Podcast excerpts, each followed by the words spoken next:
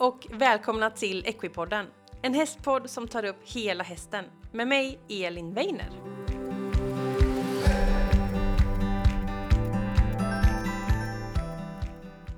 Hej alla lyssnare och välkomna till ett nytt avsnitt av Equipodden. Eh, känner att introna blir lite samma varje vecka, men eh, tills jag kommer på någonting bättre så får jag helt enkelt bara hälsa dig välkommen. I dagens avsnitt så ska vi prata om sits och det här är någonting som jag tycker är jättekul och jag vet att många av ni lyssnare också uppskattar det här. Eh, för eh, sitsen är väldigt viktig och det är också otroligt, otroligt svårt. Och eh, den här veckan får vi träffa fantastiska Marie Zetterqvist Bolkhaus som är sitsforskare i botten och hon driver idag företaget Riders Position som gör liksom teknisk analys på ryttarens sits Eh, och gör lite feedback. Eh, ja, men vi, vi kommer prata om det i slutet av avsnittet så jag ska inte spoila. Men Marie då, hon har lagt otroligt många år på forskning kopplat till sitt. Hon har också skrivit böcker och publicerat saker och ja, hon är riktigt bra och gedigen forskning på det här med sitt. Så vi pratar just om hur svårt det är med sitt, eh, hur många delar som påverkar och hur svårt det är att bedöma någon SITS. Eh, vi pratar om hur viktig sitsen är och hur hästen upplever oss som ryttare. Och så pratar vi lite om det projektet som hon driver just nu i slutet, det här med Riders Position, där man på något sätt försöker göra någon digitalisering av en analys av hur man sitter på hästen. Verkligen ett superspännande avsnitt, så jag hoppas du är laddad för nu kör vi igång veckans avsnitt.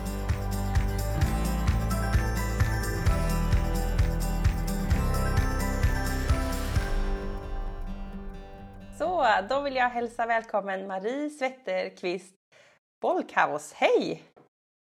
Hej Elin! Välkommen till Equipodden! Tack så mycket! Eh, jättekul att ha dig med. Eh, ett, vi pratade precis innan här, det är ett långt eh, efternamn att få rätt så jag hoppas jag fick det rätt nu när vi spelade in. Men Marie, du är ju en, vad ska man säga, sitsforskare eller en person som har nördat in sig på sitsen, eller hur? Ja, verkligen. Det är, finns alltid mer att lära om sitsen och det är ju så viktigt det här med mm. sits och hur vi faktiskt kommunicerar med våra hästar under ridning. Ja, så spännande och också otroligt svårt. Ja, det var väl någonting som jag har märkt i min sitsforskning, att det är otroligt komplext. Vi har ju ryttaren med sin sits och sitt olika sätt att sitta i sadeln och ge signaler till hästen. Och sen har vi ju då hästens eh, förmåga att fånga upp våra signaler. Mm. Så att det är ett jättekomplext område. Mm. Jättesvårt. Och det här ska vi ju nörda ner oss nu i det här avsnittet och det ska bli jättespännande att se vart vi hamnar helt enkelt. Men eh, jag tänker att du kan väl få börja med att berätta lite om vem du är och hur du hamnade där du är idag. Ja, jag klev in i stallet när jag var nio år och eh, brukar säga att jag har inte kommit ut därifrån än. För att hela mitt liv har faktiskt kretsat kring eh, ridning och eh, häst eller ridsport. Mm. Ja, jag började som på uppväxt i Linköping mm. och eh, tillbringade min barndom på Valla fritidsområde där de hade shetlandsponnys och russ och en massa andra djur. Kul. Så att där hängde jag till, tills jag blev 16 år faktiskt. Mm. Då blev jag lite stor för de här russen så då bytte jag till ridskolan i Linköping, Ovanesta.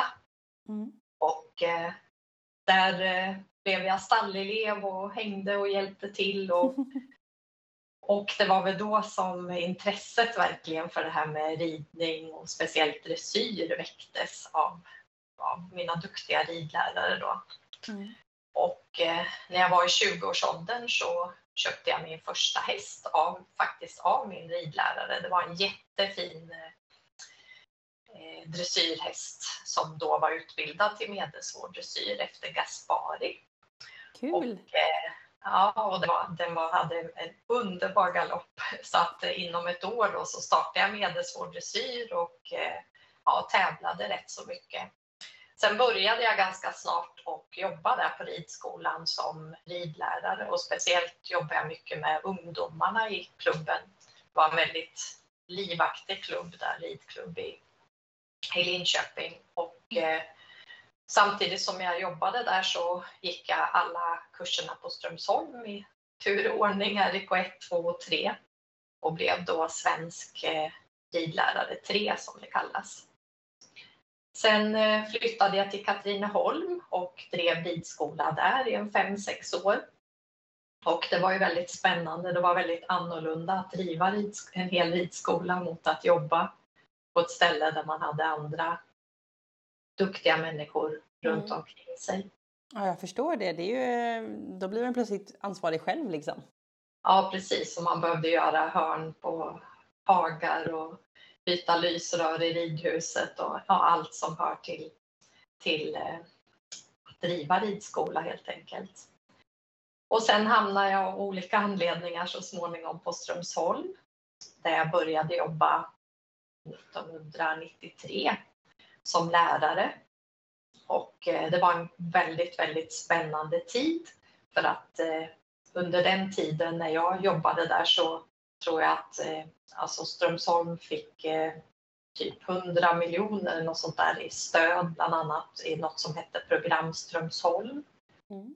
Där som det delvis var EU-finansierat, så man byggde ridhus och stallar och sådär. Och eh, 96 så blev jag också studierektor och jobbade väldigt tätt ihop med Sylve Söderstrand som då var skolchef. Mm. Och det var ju väldigt spännande att befinna sig mitt i, i smeten där. Och det var också samtidigt som hippologprogrammet startade, så jag var med på starten av det. Mm.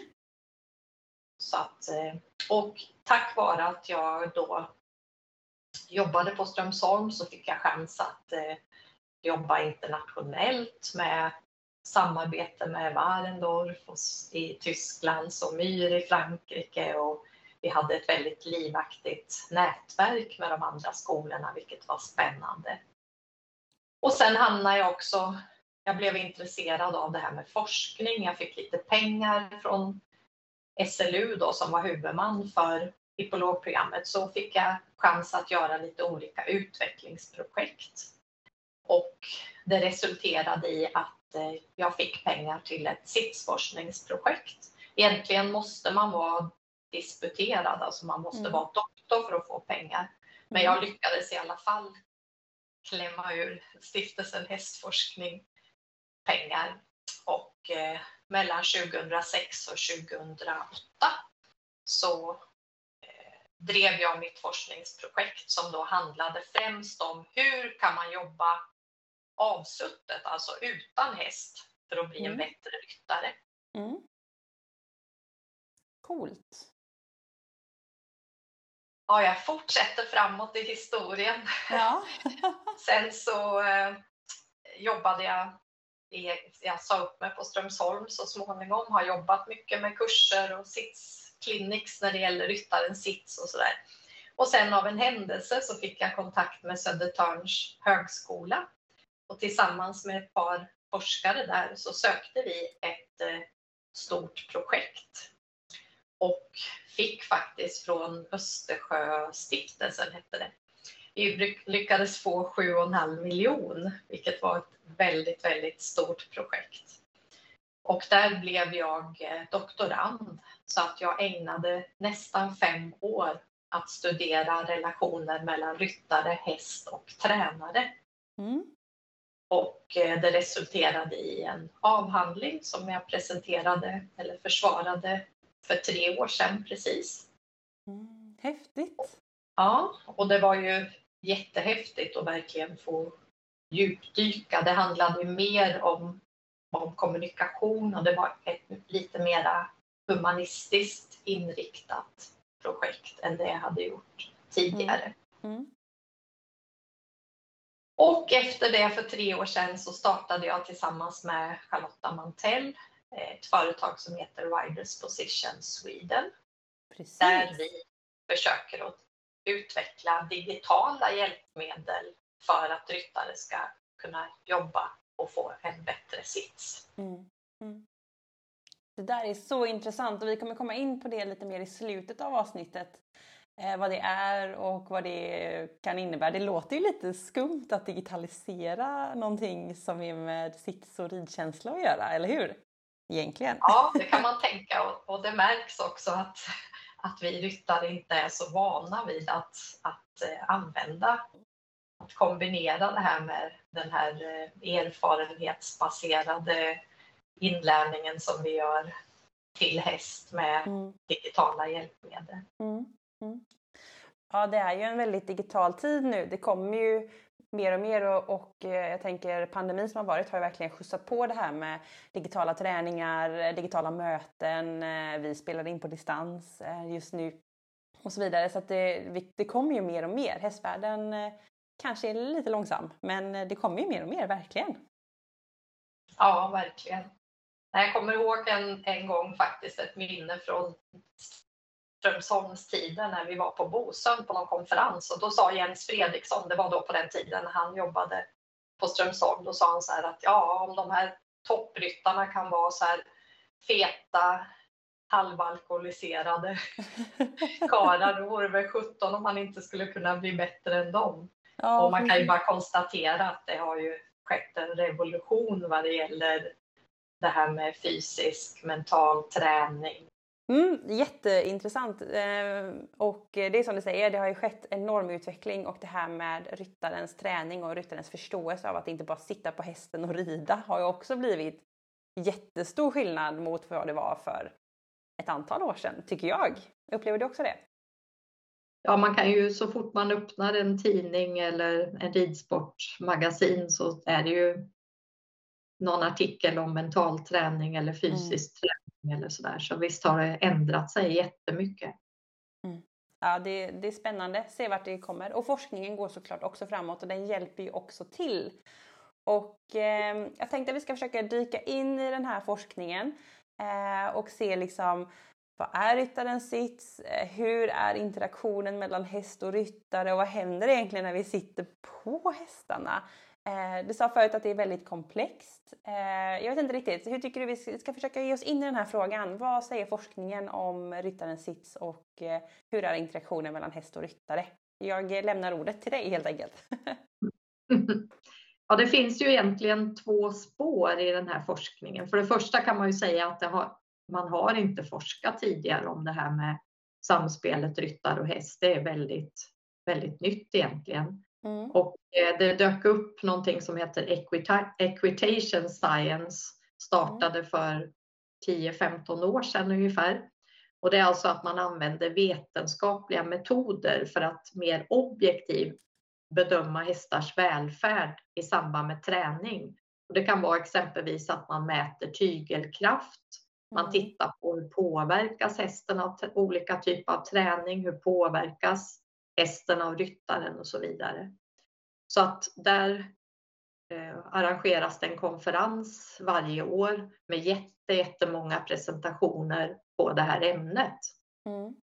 Och sen finns det också ett annat spår som är lite mer human animal studies som är lite grann mera från, kommer från humanismen där man då tittar på hur ser vi på djuren? Vad mm. Tycker vi att de är objekt som vi bara ska använda till vad vi tycker eller som bara ska vara våra verktyg? Eller är det tänkande och kännande varelser? Mm. Och här känner väl jag att, att jag har ju hållit på lite grann på, inom båda de här områdena. Och min filosofi är det här att, att eh, hästen är faktiskt en aktiv varelse i det här samspelet.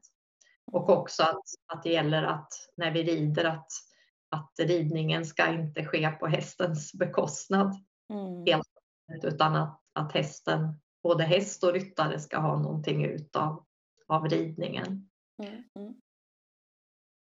Och eh, eh, när det gäller min egen forskning då så, så vill jag ju som sagt titta på hur, eh, vilka slags sitsfel det fanns hos en, ett antal ryttare och hur man kunde träna avsuttet. Och då hade jag en panel, det var när jag jobbade på Strömsholm, då hade jag en panel på fem personer som var liksom jätteduktiga tränare, domare, alltihop. Då. Mm. Och sen så hade jag 20 hippologer som fick rida ett litet förkortat dressyrprogram på tre olika hästar. För att Mm. det kan ju vara skillnad hur man sitter på en häst eller på en annan beroende på storlek och rörelse och allt sånt där. Mm. Och så skulle de här fem bedöma då, de skulle notera vilka sitsfel de här ryttarna hade. Och vad tror du Elin, tror du att de hade såg samma saker eller? Ja, jag tror att man kanske såg samma saker hos samma ryttare fast på olika hästar. Nej, det var så enkelt var det faktiskt inte. Det, hade Vad synd! det, hade också, det var en kuggfråga, det hade jag också Ja. hoppats på. ja. Men tvärtom så var det faktiskt så att alla de här fem personerna såg olika saker. Alltså det Mm. fanns inte någon som helst samstämmighet. Och då visar ju det här att det här med hur man bedömer en ryttares sits är otroligt subjektivt. Man såg att vissa, vissa av de här tränarna de tyckte att alla ryttarna satt eh, ja, på ett sätt satt snett eller eh, var obalanserad eller så här. Och någon annan tränare eller domare såg någonting helt annat. Mm, mm. Och sen var det ju naturligtvis olika då på olika hästar, det var olika på olika sadlar. Mm. Och eh, det här var ju, då förstod jag ju hur komplext det här var. Och sen tog jag halv, halva gruppen fick ett specialdesignat eh, träningsprogram för varje person då. Som de skulle göra under åtta, nio veckor tror jag det var. Och sen gjorde vi om alltihop igen. Mm. Och eh, det gick ju inte att se något resultat egentligen eftersom alla såg olika saker helt enkelt. Mm. Men Känns då inte så- jättebra när man är dressyrryttare när- när det är så, så svårt att göra bedömning. Precis, och då tänker man så här, ja men vad är det man ser som tränare då? Vad är det man rättar till när alla ser så olika saker? Ja. Egentligen, den studien har ju nu egentligen lett fram till mitt intresse för det här att faktiskt använda lite mera objektiva mätmetoder Mm. eftersom det är så svårt att med ögat bedöma hur en ryttare sitter. Mm. Precis. Att tränaren har olika preferenser och erfarenheter och tankar som gör att olika tränare ser på olika sätt men att, man, att du har lett fram till att du vill försöka få den här äh, lite mer vetenskapliga, eh, liksom objektiva eh, sättet att se på sitsen. Ja, Mm. Och det är ju det som man också nu i den här forskningen när man tittar på interaktioner mellan ryttare och häst, då, då ser man ju de här san, så att säga, sanningarna som vi alltid har haft, eller erfarenheterna, att man, har en, man ska ha en, en mjuk, man ska bara ha tygens vikt i handen eller man ska, hästen flyttar sin tyngdpunkt bakåt, si och så mycket. Eller när den ska samla sig och så här. Allt det här försöker man ju nu att mäta för att se om det verkligen, vissa saker visar sig ju att det är som vi alltid har trott. Mm. Men det är också mycket som visar sig annorlunda. Mm. Man kan ta ett exempel, nu var det från, eh, från travhästar, men en kollega till mig på SLU, Elke Hartman, hon har tittat på det här med tygelkraft. Hur mycket Mm. tygelkraft eh, travkuskar har i ett travlopp. Och hon kom fram till att vissa av de här kuskarna, de har liksom 14 kilo i varje hand när de Oj. sina travhästar. Och då tänker man så här, ja men vad gör det här då med hästens mun?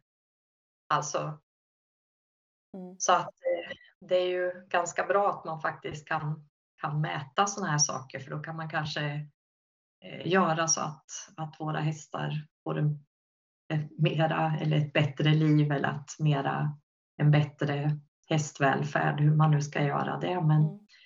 men det är ju viktigt och, och samma sak det här också att man tittar på hur mycket påverkas hästarna av, till exempelvis så har man då tittat på hur mycket vikt kommer hästen ner med på sitt ena framben. Och det är ju väldigt stora vikter. De kommer ner med typ eh, en och en halv gånger sin egen vikt i Mm. galopp. Och rider man i riktigt snabb galopp då är det liksom två, två och en halv gånger sin egen vikt. Så det är ju liksom ton som de kommer ner Mm. mm. på sitt ena framben. Och det gör ju också att, eh, och det är liksom varje steg som hästen tar. Och det gör ju det att det är väldigt viktigt att, att vi som ryttare försöker att använda en så bra sits som möjligt. För om vi exempelvis eh, viker oss ena sidan, säg att vi viker oss åt vänster, då tar hästen kortare steg med höger benpar. Mm.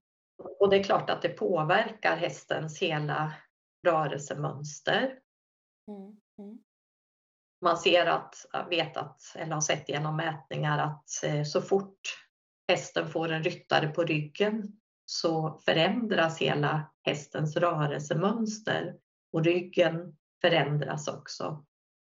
Det är klart att, att, eh, att veta sådana här saker gör ju att man kan fundera på hur man kan använda hästarna på ett sätt som så att det sliter minsta möjliga så att säga. Ja precis, alltså, det här är ju väldigt, väldigt intressanta saker och jag, tänker, jag, jag har fortfarande lite med den här travkusken som hade 14 kilo varje hand. Dels måste ju den personen vara jättestark, 14 kilo är ganska mycket att hålla liksom om man håller en hantel. Eh, men ja. också såklart för hästens skull vad händer i hela kroppen och sitter man lite snett, att du sa att de tar kortare på den ett benpars sida. Det tror jag nästan alla ryttare sitter lite snett eh, i perioder ja. såklart. Och vi, eller jag vet man är så bra på att man ska ta ut terapeuter och man ska mm, knäcka till och fixa till och massera och lasra och göra analyser på hästen men det kommer nog väldigt mycket från ryttaren. Ja absolut och det säger ju också de veterinärer jag har pratat med att, de, att hästarna kommer ju tillbaka till mm. kliniken med samma, samma fel egentligen. Vi fixar mm. till och rehabbar hästarna mm. och sen tar det ett tag och så kommer de tillbaks till kliniken igen. Mm. Och också det här att samma ryttare, som, eller en ryttare som har flera hästar, att det ofta blir eh, samma slags problem. Även om man skaffar en ny häst så får den liknande problem. Och det visar ju också att man behöver göra någonting åt, inte bara åt hästen utan även åt ryttaren. Mm. Precis, precis. Så med den här forskningen som bas då, eh, hur ska vi arbeta framåt för att få en bättre sits eh, som ryttare? Ja, man kan ju konstatera att eh, ridning är ju en otroligt krävande idrott faktiskt mm. jämfört med många andra. Då att det kräver exempelvis balans och det såg jag i min studie här att det var det vanligaste så att säga sitsfelet, det var att, att ryttarna var, var obalanserade och klämde sig fast med knän och lår istället för att eh, hitta sin balans och eh, ha en stark kår. Mm. Så att mm. balans och kårstyrka hänger ju ihop att man ska kunna vara kvar i balans när hästen, ja, när hästen ändrar gångart eller riktning och att man också ska ha en hyfsat stark kår så att man kan vara kvar stadigt i den här balansen. Så att eh, balans och eh, kårstabilitet är, är väl de viktigaste där, där man bör börja så att säga i sin mm. träning. Mm. Och sen behöver man ju också vara hyfsat smidig för att mm. kunna faktiskt eh, ja, tekniskt kunna flytta sina hjälper och faktiskt kunna ja, få, få benen runt hästen och, och också för att vara följsam i hästens rörelser. För att det handlar ju väldigt mycket om att störa hästen så lite som möjligt så att hästen kan använda sina gångarter maximalt med maximal kvalitet. Och även i hoppningen att hästen faktiskt ska kunna ta sig över hindren utan att, att ryttaren hindrar den. Mm.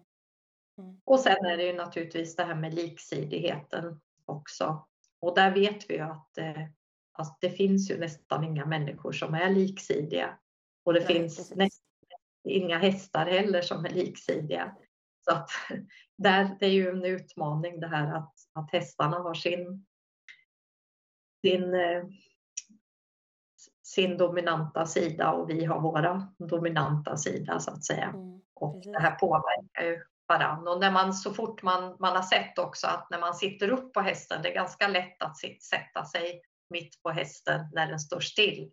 Mm. Men så fort hästen börjar röra på sig, då, då tappar vi våran eh, rakhet så att säga. Då, då gör ju hästen också. Hästen hjälper ju till att sätta oss över på, de vill ju gärna ha oss ryttare på sin starka sida. Yeah. Och det är samma sak med sadeln. Det är ju det som är svårt också med att det är både ryttare, häst och sadel. Och om sadeln åker snett, då flyttar ju vi ryttare oss med sadeln tillsammans Precis. med sadeln. Att säga. Så är ju hela ekipaget snett. Ja. Så att det behövs, jag tänker så här att det behövs väldigt mycket alltså grundträning egentligen för ryttare, både balans, styrka, kondition också, att vi ska orka, att vi inte så blir trötta efter halva ridpasset, smidighet och även eh, liksidighet och även eh, koordinationsförmåga. Att vi faktiskt kan eh, koordinationsförmåga och kroppskontroll, att vi faktiskt har kontroll på våran kropp. Och där tänker jag också att vi sitter ju väldigt mycket, de flesta av oss sitter mycket still i våra jobb mm. Eh, eller i skolan. Och vi använder inte våra kroppar så mycket. Men samtidigt är ju ridning en väldigt, väldigt kroppslig aktivitet. Så att säga att vi, vi ligger i sängen kanske åtta timmar, sju, åtta timmar per natt och sen så sitter vi kanske framför en dator eller i skolan åtta timmar och sen så ska vi rida sen. Mm. Så att eh, det krävs ju väldigt, väldigt mycket mera att vi tränar upp våra kroppar. Mm. Precis, det är väldigt mycket delar i det här eh, hör man ju. Eh, att jag själv ska vara aktiv, jag har massa, jag måste träna upp min kondition, kondition, eh, styrka, liksidighet och allting. Eh, sadeln spelar roll, hästen spelar roll. Det är så otroligt komplext. Jättesvårt helt enkelt. Ja, det är ju verkligen svårt. Och sen det som är svårt också när vi sitter där på hästen, det är att vi kan ju tycka att vi sitter rakt eller vi kan tycka att vi eh, att vi sträcker upp oss drar tillbaka skulderbladen men egentligen så sitter vi där kutryggiga. Så här att ja, precis. det är så svårt att känna det här och så ska man ändra någonting i sitsen så, så äh, krävs det ju ganska mycket. Mm. Och därför är det också så viktigt det här, det kan jag tycka att det har blivit bättre, att man lär sig eh, ändå att sitta bättre, alltså tränare och ridlärare idag är mycket mer medvetna om det här att man, man behöver eh, alltså hur ryttaren ska sitta och eh, att man är, i, i de flesta fall är mera, påminner ryttaren mer om sitsen. Mm, mm. Precis, det tror jag också har blivit en förändring. Det har ju liksom eh, blivit de sista åren det här med avsluten träning har blivit jätteviktigt eh, att eh, ryttaren ska passa i sadeln och inte bara sadeln ska passa hästen. Sånt har kommit liksom de senaste åren. Eh, det, det, pratade vi inte alls om när jag var liten och började rida. Liksom, att man skulle träna avslutet eller att jag som ryttare skulle värma upp innan jag hoppade upp. Det fanns inte förr. Så att, Nej, jag kan säga att det är, nog, det är nog många ryttare som fortfarande inte gör det idag. Det tror jag också. Ge, om man ska ge några tips så är det väl att, att jag tänker att man behöver göra någon träning förutom ridningen, att man kanske har en medryttare eller man har en vilodag, att man passar på att gå på Friskis och Svettis eller något sånt där. Man brukar ju säga att all, all träning är bra träning eller sådär. Där man får en genomkörare av kroppen. Mm, mm. Precis, det tror jag också. Och lite det du sa med medryttare för att man rider ihop sig med sin häst. Eh, att jag, jag är vänsterhänt till exempel och när jag hade min ponny så delade jag ihop det med en annan tjej, hon var högerhänt. Och det upplevde vi var väldigt bra för att hästen blev lite rakare på något sätt. Eh, I och med att vi red typ lika mycket var. Så vi kunde hjälpa upp varandras svagheter. Jag, jag tänker att det kan vara bra att ha fler ryttare ibland på vissa hästar just för att någon har en styrka och en svaghet och en annan kanske har styrkan där ryttare 1 har sin svaghet. Det hade ju varit jättebra. Absolut, och det var en dansk studie för några år sedan som visade man hade jämfört skador på ridskolehästar med, med skador hos privathästar. Mm. Man såg att ridskolehästarna hade betydligt mindre sjukdagar än de här privathästarna. Och det var ändå inte hästar som tävlade på högsta nivå eller sådär. Och det är rätt intressant därför att eh, ja, men de rids av olika ryttare så det blir liksom inte så enahanda mm. som om man har en häst som man själv rider varje dag. Just det, det här med att man nöter på samma sätt hela tiden. Eh, mm. att det, det ger ju skador såklart i, i längden. Mm. Men... Jag tänkte, fortsätta, jag tänkte mm. bara fortsätta på det där spåret att man ja. försöker att, att ta någon genomkörare av kroppen en gång i veckan och sen så precis som du sa att man verkligen har ett litet uppvärmningsprogram, att man värmer upp. Jag har själv ett lite, jag är inte så ung ryttare så jag kör alltid ett sånt där fem minuters uppvärmningspass innan jag åker till mm. stallet. Eller mm. ibland stallgången faktiskt om jag är ensam i stallet.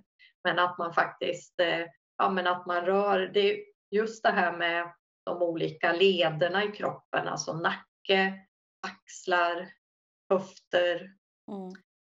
Eh, fotleder och eh, att, att man försöker att, att liksom röra lite grann på kroppen så, här, så att man får fart på de här ledgångarna för att det är ju en förutsättning att man ska kunna få en mjuk svikt i kroppen. Mm. Och sen behöver man också stretcha därför att vissa muskler, speciellt mus höftböjaren, de musklerna som är kring benen, eh, lårets framsida, insida, baksida.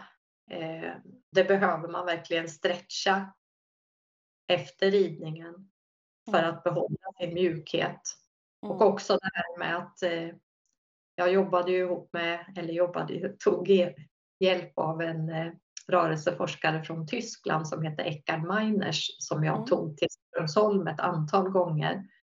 Och eh, eh, jo, men han pratade om det här med, med balansen i musklerna, att som ryttare om vi mm. bara rider och håller på i stallet, då blir vissa muskler blir väldigt eh, starka och spända som nacke, axlar, och de här eh, musklerna kring höfter och ben.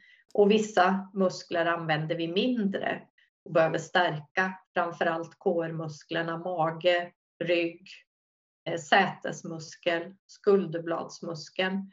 För att vi ska få en balans i kroppen. För att om vi har en sån här obalans i våra muskler då är det svårt att få en, en bra sits. Mm, mm, mm. det där tror jag är superintressant. Ehm, jag satt och tänkte lite här nu när du pratade att så här, jag kom på mig själv med att ha sjunkit ihop lite här när jag sitter på min stol och så sa du höftböjaren och så tänkte jag oj nu sitter jag nästan dubbelvikt och så ska jag hoppa upp sen då och sitta i en dressyrsadel då ska jag vara nästan rak. Ja. Hur viktigt det är och, och, den här tyska forskaren då som just liksom vilka muskler är starka och svaga över dagen och liksom hur man får ihop det. Det där, det där är ju jätteviktig kunskap. Mm. Och jag tänkte också att om det är någon som vill veta mer om det så har jag ju skrivit en bok då, som heter Sittskolan. Och där tar jag då upp en hel del av, jag är väldigt, ganska influerad av den här Eckhard Meiners. Eh, för att han har ju jobbat framgångsrikt eh, med, tillsammans med eh, tyska förbundet i många år och sådär. Och han har ju bland annat tagit fram den här, en sån här Ballimopall mm. Jag vet inte om du har sett den. Det är som ett löst, löst säte mm. som man kan man kan liksom torrrida. Då. Och den, den tycker jag är väldigt bra för att visa, ja, men om man exempelvis ber en ryttare göra en galoppfattning som du brukar göra, då ser man att många ryttare de har, de har inte liksom hittat den här rörelsen på hästryggen. Så han menar på att man behöver träna lite grann, alltså torrrida eller träna utan häst nästan för att hitta vissa av de där rörelserna för att det är så komplext när man sitter på hästryggen. Mm. Ja, jag har faktiskt testat en sån pall eh, hos en eh, dressyrtränare.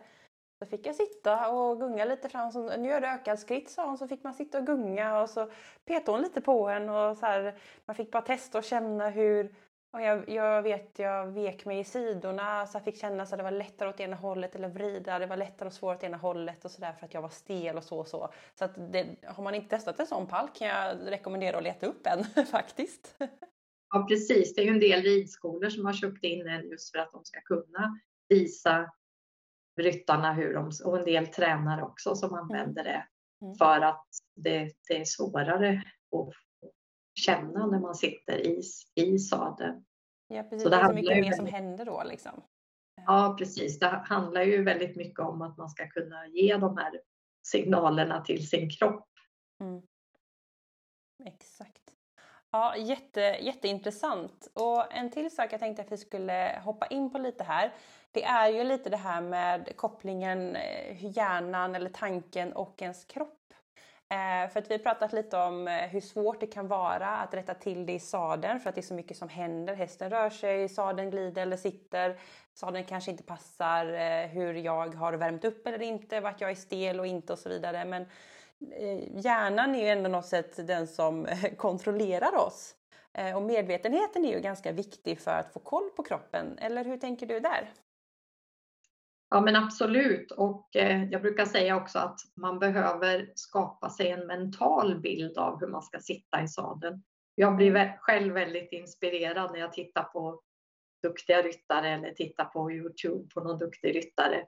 För att när man tittar på en annan ryttare då får man som rider bra, då får man liksom den där känslan i sin egen kropp på något sätt. Så man behöver ju först och främst veta hur man ska sitta och eh, samma sak också, så varje sak man gör i sadeln börjar ju med en handling. Man tänker nu ska jag rida an mot den här trippelbarren eller nu ska jag fatta galopp. Så tänker man ju liksom tanken strax innan. Man fattar ju inte bara galopp utan det kommer ju en tanke först. Nu ska jag fatta galopp. Ja, precis. Och, och, och, där märker man ju hur, hur, jag glömde säga det också i början där att jag har ju min, min lilla häst Darwin då, som är 19 år. Men jag märker att han är så otroligt uppmärksam på mig så jag kan aldrig tänka så här, ja nu ska jag snart sakta av om jag kommer galopperande för då saktar ju han av direkt. Mm. Så att eh, det gör ju också det här att hästar, alltså man pratar ju om, det är ju viktigt med mental träning i alla sporter, men vi har det ju, det blir ju som dubbelt för oss för att vi ska ju kännas på ett speciellt sätt om vi ska göra en grej, att vi, det här ska jag klara av eller så här. Men hästen måste ju också, hästen fångar ju upp våra tanke blixtsnabbt. Och därför så tänker jag så här att nej gud nu ska jag gå förbi det här eh, den här, nu står det en barnvagn här, nu ska jag gå förbi den och så spänner man sig, då känner ju hästen det direkt. Så att det blir ju som en dubbel effekt på något sätt. Och där har man också gjort, eh, det eh, finns en studie där man eh, sa till ryttarna att nu ska du rida förbi här och tredje gången du kommer, då kommer vi att spänna upp ett paraply så då får, får du vara beredd. Och sen när de kom tredje gången, då spände de inte upp något paraply utan hästen skyggade ändå därför att ryttaren var ju som beredd på att det där paraplyet skulle komma upp.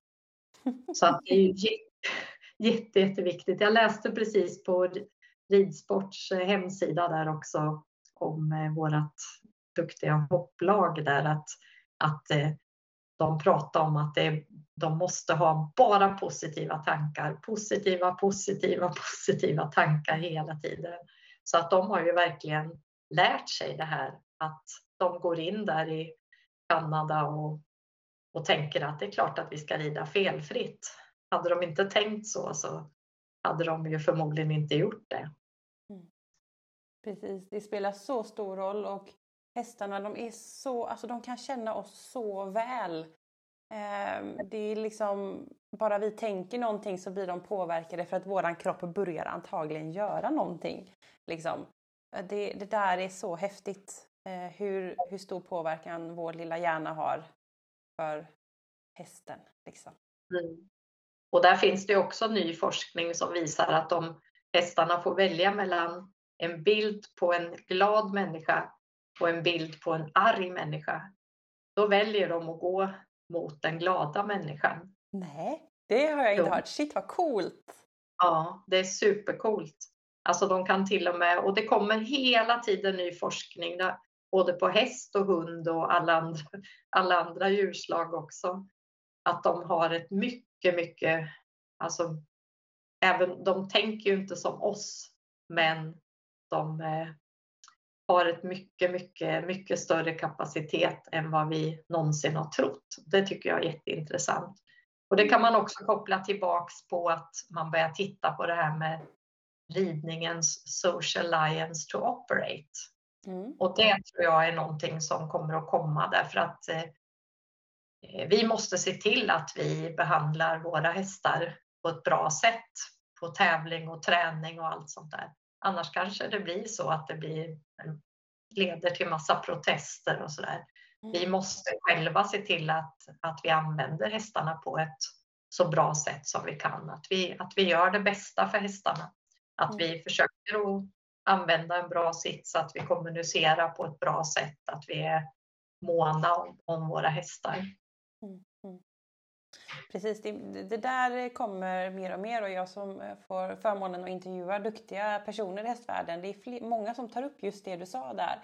Att vi måste att, att vi börjar inse hur pass mycket hästen eh, förstår och känner och tänker och att vårt sätt att hantera den tidigare har varit lite sådär bryskt att hästen ska lyda och göra det som människan vill. Men att det går över, alltså att man inser nu hur mycket hästen känner och tänker och hur viktigt det är att vi bemöter den och är ödmjuka mot det. Det där är verkligen ett intressant spår. Mm. Och det märker man ju också på våra tävlingsryttare. De är ju mycket mer så här att de, man ser på tävling att man klappar hästen även om det inte har gått så, så där helt lysande eller att man har en tendens att skylla mindre på hästen nu än vad man hade vad man gjorde förr i tiden. Ja, precis. Ja, jätte, jätteintressant. Eh, jag tänkte vi skulle styra framåt eh, lite grann här i eh, frågelistan som vi har. Och eh, då har vi liksom lagt lite grund här nu för sitsen, hur viktig den är. Och jag tänkte att vi skulle försöka komma in lite på det här hur man kan förbättra sin sits. Och då har vi ju nämnt lite att man behöver göra lite träning av olika slag och vara själv uppdaterad i kroppen. Men också att liksom träna för tränare och sådär. Och jag tänkte jag skulle börja med att fråga så här, hur, hur kan vi göra för att förbättra våran sits? Är det saker vi kan göra själva eller behöver vi ta hjälp som ryttare? Vi behöver absolut ta hjälp som ryttare. Mm det behöver vi. Vi behöver, det som är ju att vi kan ju inte se oss rida samtidigt som, som vi rider, utan mm. vi behöver ett öga från marken. Och det skrev jag om lite grann i min eh, avhandling där, att, att utmaningen är ju just det här att vi kan inte se hur vi ser ut samtidigt som vi rider, därför behöver vi tränaren. Mm. Men å andra sidan så kan ju inte tränaren se hur vi känner på något mm. sätt. Så att därför så behövs det att man har en tränare som man verkligen kan kommunicera med. Som man kan fråga saker, som man har en dialog med. tror jag är jätteviktigt. Mm. Mm. Därför att ibland, det har du säkert också ridit för någon tränare som eh, säger så här, ja men det ser jättebra ut och så här och så tycker man själv inte alls att det känns något bra. Man har 100 kilo i varje hand eller man, ja, du vet bogarna ramlar ut och ja, you name it. Så att det behöver man absolut. Men eh, sen så har ju vi nu då försökt att, att hitta eller jobba fram under tre år faktiskt en sån här ryttaranalys Precis. som man då kan göra för att få, därför att ofta är man inte medveten om hur man, vad man har för styrkor och vad man behöver förbättra. Mm. Och eh, när man gör den här ryttaranalysen då laddar man ner en app och sen så eh, rider man. Än så länge har vi trav nedsittning men vi kommer inom kort att även ha trav lättridning. Oh, nice. så, så småningom galopp förstås. Mm. Eh, men, och sen så får man eh, en analys helt enkelt av där man får se grafer. Hur rör jag mig i sadeln? Och där ser man hur man rör sig upp och ner och fram och tillbaka. Och där kan man se, får man feedback på om man rider i en jämn rytm eller jämn takt i traven. Mm. Hur mycket kraft man kommer ner med i sadeln och där kan man se att det väldigt, är väldigt olika just därför att när man travar, när hästen travar så skjuter den på, bromsar upp, skjuter på, bromsar upp och då gäller det ju att vara mjuk i höfter och bäcken så att man följer med mjukt i de här rörelserna. Men där ser man ju att så att det ska, den, den här grafen ska visa på mjuka vågformade kurvor. Men där ser man att det ofta är väldigt så här, alltså spikar istället, att man kommer ner ganska hårt i sadeln och med ganska mycket kraft. Och det kan vara att den här kraften uppgår till 200-300 kilo i värsta mm. fall. Mm. Och sen så ser man också hur konstant man är i sin rörelse därför att när hästen travar, om man, då gäller det att man är lite grann jämn i sina rörelser som ryttare, att man inte liksom tappar, ramlar ner i sadeln. Mm. Utan att man, att man eh, har en så jämn rörelse som möjligt. Sen ser man också hur man rör sig fram och tillbaka. Mm. Och där eh, i traven när hästen skjuter på framåt, är man inte tillräckligt stark i sina kårmuskler då, då ramlar ryttaren tillbaka med axlarna, mm. kommer bakom blodplanet. Mm. Och då blir det ofta också att man drar åt sig handen, vilket mm. man ser. Tittar man på, jag har ju suttit och tittat på, på många ryttare i ultrarapid och då ser man att varje gång ryttaren drar tillbaka handen så viker hästen in nosen och i värsta fall så gapar den också. Så att där får man också eh, se sina grafer och veta, man får veta hur stadig man är och också hur jämn man är i sina rörelser fram och tillbaka. För det är samma sak där också. Det gäller ju att försöka att stabilisera sin sits med hjälp av sina kårmuskler och sina ben för att inte falla fram och tillbaka. Mm. Och sen får man även lite tips på man får skriftlig feedback då också förutom de här graferna så får man lite tips på vad man kan jobba med för att mm. Förbättra sin sits. Och man får även en länk till ett par avsuttna övningar. Än så länge har vi inga uppsuttna övningar men det hoppas jag att vi ska få till mm. så mm. Precis, och det här, det här är lite roligt för att jag har fått testa att göra en sån här analys eh, och det, när man hör det här så tänker man så här, jaha, hur, vad ska det här bli? Och en ridkänsla, det är liksom så väldigt sådär liksom abstrakt liksom, eh, vad en känsla är och vad som är en bra känsla och inte. Men när det kommer till det här så är det vetenskap och siffror, eh, grafer och det känns så liksom, långt ifrån varandra. Men det som jag tyckte var väldigt roligt för att jag fick testa det här och eh, det var lite kul för att jag berättade innan här att jag lånade en eh, väns eh, unghäst som dessutom är hopphäst så jag fick se lite hoppsadel som jag inte suttit i på jättelänge och jag själv har inte ridit på ganska länge. Eh, så att det här tyckte jag var jätteroligt att faktiskt se hur, Eh, vad det här var för någonting. Och det som är lite roligt det är att ehm, eh, jag fick eh, en analys av er och det ni skrev till mig det var att Eh, jag var ganska jämn upp och ner och jag var ganska liksom, dämpade ganska bra. Eh, men jag var lite sämre, eller inte så stadig fram och tillbaka utan jag rörde mig ganska mycket där. Och det var så roligt för att då skrev eh, du, för det är du som har skrivit det här då, att, att, att jag antagligen är spänd i axlar och bröstrygg. Mm. Och det roliga är att dagen efter, vart hade jag träningsverk? Jo, det var ju precis där. Så att jag har ju suttit och spänt mig för att jag själv kände mig lite vinglig när jag red, att det var ett tag sedan jag red. Och sen, ja, alla har ju suttit på unghäst någon gång, det är lite vingligt ibland och jag vet att eh, det råkade komma ett galoppsteg, man ser det också precis i början så är det något dubbelhopp eh, i de här graferna och jag vet att det blev ett galoppsteg där och Ehm, jag fick rida, liksom, rida lätt lite för jag gjorde det här nedsuttet. Så det ser man faktiskt att det blev så lite dubbelt precis i början innan det ser lite jämnare ut. Um, och det där, det där är så himla häftigt för jag kände efteråt att, så att shit, det här gav mycket mer information, om jag ska vara helt ärlig, än vad jag trodde att det skulle ge. Eh, att liksom se vad jag gjorde egentligen. Och jag är ju naturvetare, jag tycker ju om att få de här liksom, siffrorna och se vad som händer. Så det, ska bli jättekul att liksom kanske göra en till sån här om jag rider mer och tränar mer och ser vad som händer. det, det, här, det här tror jag är en jätteviktig sak att bara testa för det var ganska enkelt att göra faktiskt. Ja, vad roligt. Det var jätteroligt att du provade. Jag tänkte på det att något som också är spännande när vi började med de här mätningarna så sa ju alla hästmänniskor att ja, men det beror ju på vilken häst man rider. Mm, eller vilket underlag man har eller så här, vilken sadel. Ja, men allt så här. Det var bara det att när vi har mätt ryttare på flera olika hästar så ser man att det kan skilja lite grann i om man rider en äldre häst som är stum i ryggen jämfört med en kanske 4-5-åring som är mjuk. Så mm. Då ser man att det blir lite högre graf, lite mera kraft och sådär.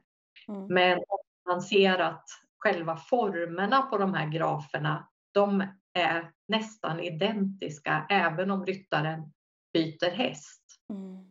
Det här gjorde oss övertygade om att alltså det är nästan som ett fingeravtryck, en, en sits. Mm. Och det, det krävs ganska mycket om man ska ändra det. Och jag själv hade, jag har en ganska stötig häst i traven och eh, jag hade väldigt höga värden den första gången jag mätte. Det här var ju typ två år sedan när vi började. Då. Mm. Så jag har jobbat mycket med att, och eh, tillsammans med min tränare att, att, att använda benen mer och att använda, ha mera stöd i stigbygeln. Alltså att jag inte sit, ska sitta lika tungt i sadeln. Jag satt tidigare, för det var lite så förut. Man går ju mot en lite lättare sits nu. Förut skulle man ju sitta tungt i sadeln, man skulle sitta emot. Men nu, eller hur? Visst var ja, det så? Jag vet, sitt ner och tryck till med rumpan typ. Precis, men nu är det ju mer så som Fyra säger att man ska känna det som man sitter på en boll, att man ska följa med upp och ner i hästens rörelse och ha mera stöd i att, alltså att man inte sitter lika, lika tungt utan ha mera, fördela trycket mer ner i stigbygeln så man blir lite lättare. Annars är det svårt för hästen att, att eh, arbeta med sin rygg, mm. höja sin rygg när den ska samla sig och så vidare. Så att där såg jag, alltså jag har nästan, det är nästan halva, alltså nästan hälften så, så höga sådana här grafer som jag har nu, nu mm. när jag. Så det är jättespännande för man tänker att det är ju inte bra för ryttaren heller om man sitter så jättetungt och, och där. Och där ser man ju också att eh, man har sett att eh, ju mer man rider desto stelare blir man egentligen i mellandelen. Alltså man, man får minskad rörlighet och så. Mm. Därför att, att man, ja, man, man fastnar liksom i en position. Ja. Spänner sig där. Och, eh, jag, jag, tänker också det här med kopplingen med hjärnan och muskeln som vi pratade om lite förut. Att om man då vet att jag är att jag till exempel, vi tar mig då igen, att jag vet att okej, okay, antagligen då, nu spänner jag mig i bröstryggen. Eh, och antagligen mm. gör jag det alltid när jag rider. Att bara liksom tänka på det och känna när jag rider så här, ja men, ja, men du, jag sitter faktiskt lite spänt här nu. För det kan jag liksom komma på mig själv att så här, men gud varför är den muskeln så spänd för? Det har jag ju inte tänkt att jag ska göra fast hjärnan har gjort det ändå. Antagligen för att jag vill ha balans då. Eh, att man bara mm. tänker på det och, och ser vad som händer om man liksom slappnar av. Men ni har gjort ganska mm. många analyser nu. Eh, har ni liksom sett på, för du hade ju gjort en analys och sen då tränat det och fått bättre kurvor. Har ni sett flera sådana fall där man ser att det, att det med riktad träning blir en bättre sits eh, rent mätmässigt? Alltså jag tror att, att det här det ger på något sätt svart på vitt. Mm. Alltså vad det är man, hur man sitter och en del blir lite chockade så att säga och eh, där jag har en ridklubb här i närheten som har varit delaktiga i den här utvecklingen och de var nästan, det är en sån här dressyrspecial och jag mätte ett par av ryttarna där redan när vi började med det här, alltså på hösten 2019 och sen mätte jag dem igen efter kanske ett och ett halvt år och sen hade vi dem som lite testgrupp nu innan vi släppte den här och verkligen började sälja den här mm. ryttaranalysen. Och det var Alltså de här som vi hade mätt, det var bland annat en ryttare. Alltså hon satt så bra. Alltså hon har verkligen förbättrat mm. precis mm. allt. Så jag var ju tvungen att fråga då, så här, och då hörde jag då att hon hade börjat träna yoga och Hon hade börjat träna jättemycket. En sån här jättemotiverad ryttare som hade jätteproblem med kroppen. Mm. Och där är ju, jag själv tycker ju att yoga är en väldigt bra träningsform. Mm. Alltså det, man behöver träna det andra också men, men yoga är ju, alltså det är både, det beror på vilken sorts yoga det är, men det är både styrka, det är smidighet, det är eh, också lite grann, hade kroppskontroll och det är också lite fokus. Mm. Därför att det är också viktigt, alltså hur fokuserad man är när man rider. Alltså, där ser man sån himla skillnad. Vissa de går liksom in i en bubbla tillsammans med hästen och verkligen försöker att känna och tänka och allt det här. Och en del de sitter, jag har till och med sett ryttare som sitter och pratar i telefon med sådana här lurar i öronen samtidigt som de sitter och rider. Och, eller gör i ordning hästen. Och, alltså det tycker jag är helt olämpligt. Alltså, ja. det är så dumt så det är inte sant. Hur ska den där hästen kunna förstå när man sitter där och babblar samtidigt som man rider eller gör i ordning hästen? Mm. Det är helt galet tycker jag. Mm, mm. Så att det har ju väldigt mycket med fokus. Alltså, man säger ju ibland att det är timmarna i sadeln som räknas, men det beror ju faktiskt på vad man gör när man sitter i sadeln också. Mm. Ja, fokusering det har ju också att göra det här med kropp och knopp då, att är man, är man ofokuserad då, då går det ju inget bra om man sitter och tänker på massa annat. Eller, det märks ju också, har man problem på jobbet eller i skolan eller vad det nu kan vara, så då rider man ju sämre. Ja men precis, och det, det är många som pratar om det här att hamna i flow. Att, det, att, man är med, att man är med och där. Och det är då det oftast går som bäst. Att det är det man försöker träna och uppnå för det är det man vill kanske på tävling sen. Men det här kan ju vara en väg i det. Att liksom vara medveten. Alltså så här, har jag läst det här nu då? Vara medveten i sin ridning och liksom försöka, försöka landa i det och försöka utveckla sig. Um, jag tycker det här är ett väldigt spännande projekt. Uh, jättekul att få höra mer.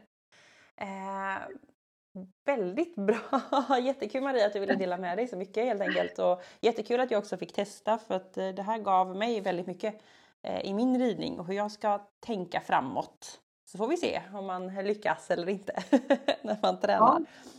Ja, vad jätteroligt att du, att du vågade. Och sen är det någon som vill prova det här så det kan ju låta lite, alltså lite grann usch ska jag utsätta mig för det här. Mm. Men eh, det är ju bara jag och ryttaren som ser resultatet för det första. Det är ju mm. ingenting som... Så, och man kan också när man får, som nu när du fick ditt resultat, då kan du klicka på dela, då kan du dela det med din tränare eller ridlärare. Och då kan ju ni tillsammans, eh, om det nu är till exempel, ja men jag fick ju hjälp av min tränare att eh, få lite bättre stöd i stigbygeln, att komma ner att inte sitta lika tungt i sadeln och så vidare. Precis. Så att det här är ju någonting som man kan eh, faktiskt dela med sin, sin tränare eller ridlärare. Exakt. Så att man arbetar mot samma mål liksom. Ja. Precis, och eh, det, det jag tänker lite så här, för ibland så, precis som du sa där, ska jag våga så här, tänk om, tänk om jag sitter så dåligt. Eh, men eh, det som, det som jag ändå fick i texten här, det tycker jag var ganska positivt. Jag kände mig inte dålig eller så här att oj, här var det inte alls bra, utan jag tyckte faktiskt att det var lite positivitet, vilket också är bra för då, vill, då blir man ju peppad att liksom göra det bättre och hitta så här, okej, okay, det här är jag riktigt bra på, det här behöver jag utveckla lite grann för att det ska bli bättre. Så det tyckte jag också var kul. Eh, så det kan man definitivt våga testa. Eh, men jag tänkte med dig att vi skulle runda av lite grann för nu har vi pratat en hel timme du och jag. Får, får, jag, får, jag, får jag bara anknyta en sak till det du sa om positivt? Och, och då tänker jag så här att det är också någonting, om jag ibland kan jag se en ryttare när jag är ute och har någon klinik och så här, som jag tycker sitter så fint. Mm. Alltså det, det, kan vara någon liten detalj eller så här, men jag tycker att man ska inte peta i detaljer. Utan det gäller, som ryttare så gäller det att man också bygger på de positiva sidorna. Om man bara tycker att man är dålig hela tiden, då blir man, sämre och mm. sämre. Man behöver också man behöver vara glad över det som jag har skrivit där som man är bra på. Då vet man ju att jag rider i en bra takt till exempel. Mm. Eller Precis. jag är, kommer inte ner med så mycket kraft i sadeln. Det är jättebra. Eller jag är jämn i mina rörelser. Då får man ju vara jätteglad för det och sen tänka att ja men gud vad kul att jag, det här är jag bra på. Mm. Precis. Och så får man se att liksom stanna i det positiva och ja, gå vidare sen till det som kanske behöver lite utveckling. Man kan alltid utvecklas. Det är det som är så roligt med ridning och eh, hästsport faktiskt, att det finns alltid något att lära och göra mer och nytt. Ja, eh, verkligen. Men om vi ska runda av lite nu då, om vi ska sammanfatta det här. Sitsen är jätteviktig, också jättesvår och jättekomplex. Om man tycker att det här verkade spännande och intressant och eh, vill komma i kontakt med dig eller testa en sitsanalys, hur gör man då? Då går man in på vår hemsida ridersposition.com. Mm. jag har också samma e-mailadress, Marie bara utan e, snabela ridersposition.com.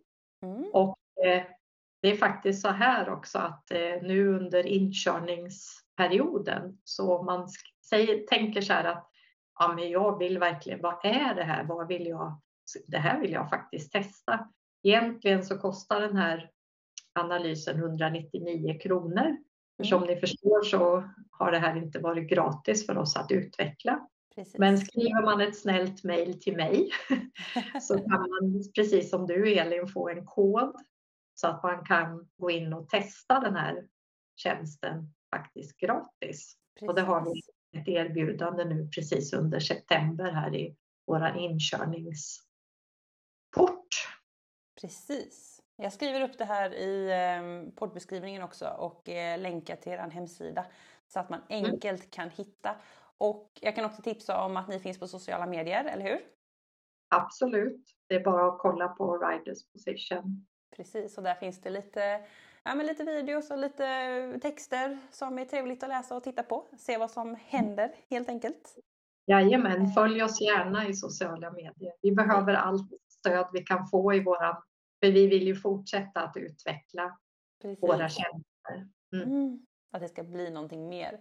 Och sen nämnde vi den här boken också, eh, Sittskolan. Och den finns på Adlibris googlade jag eh, innan vi började spela in här, eller hur?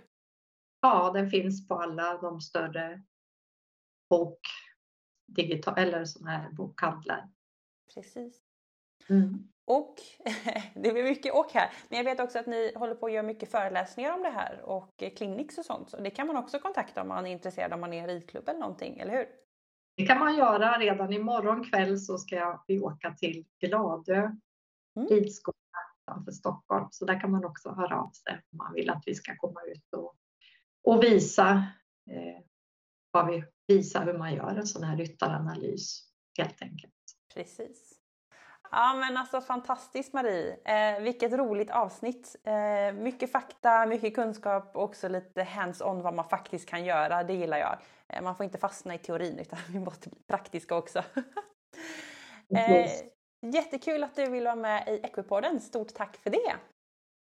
ja, tack för att jag har fått vara med och jag hoppas att eh, det här avsnittet kan inspirera ryttare på olika nivåer.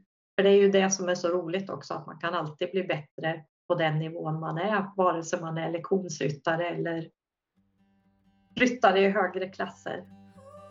Precis. Ja, vi hoppas på inspiration.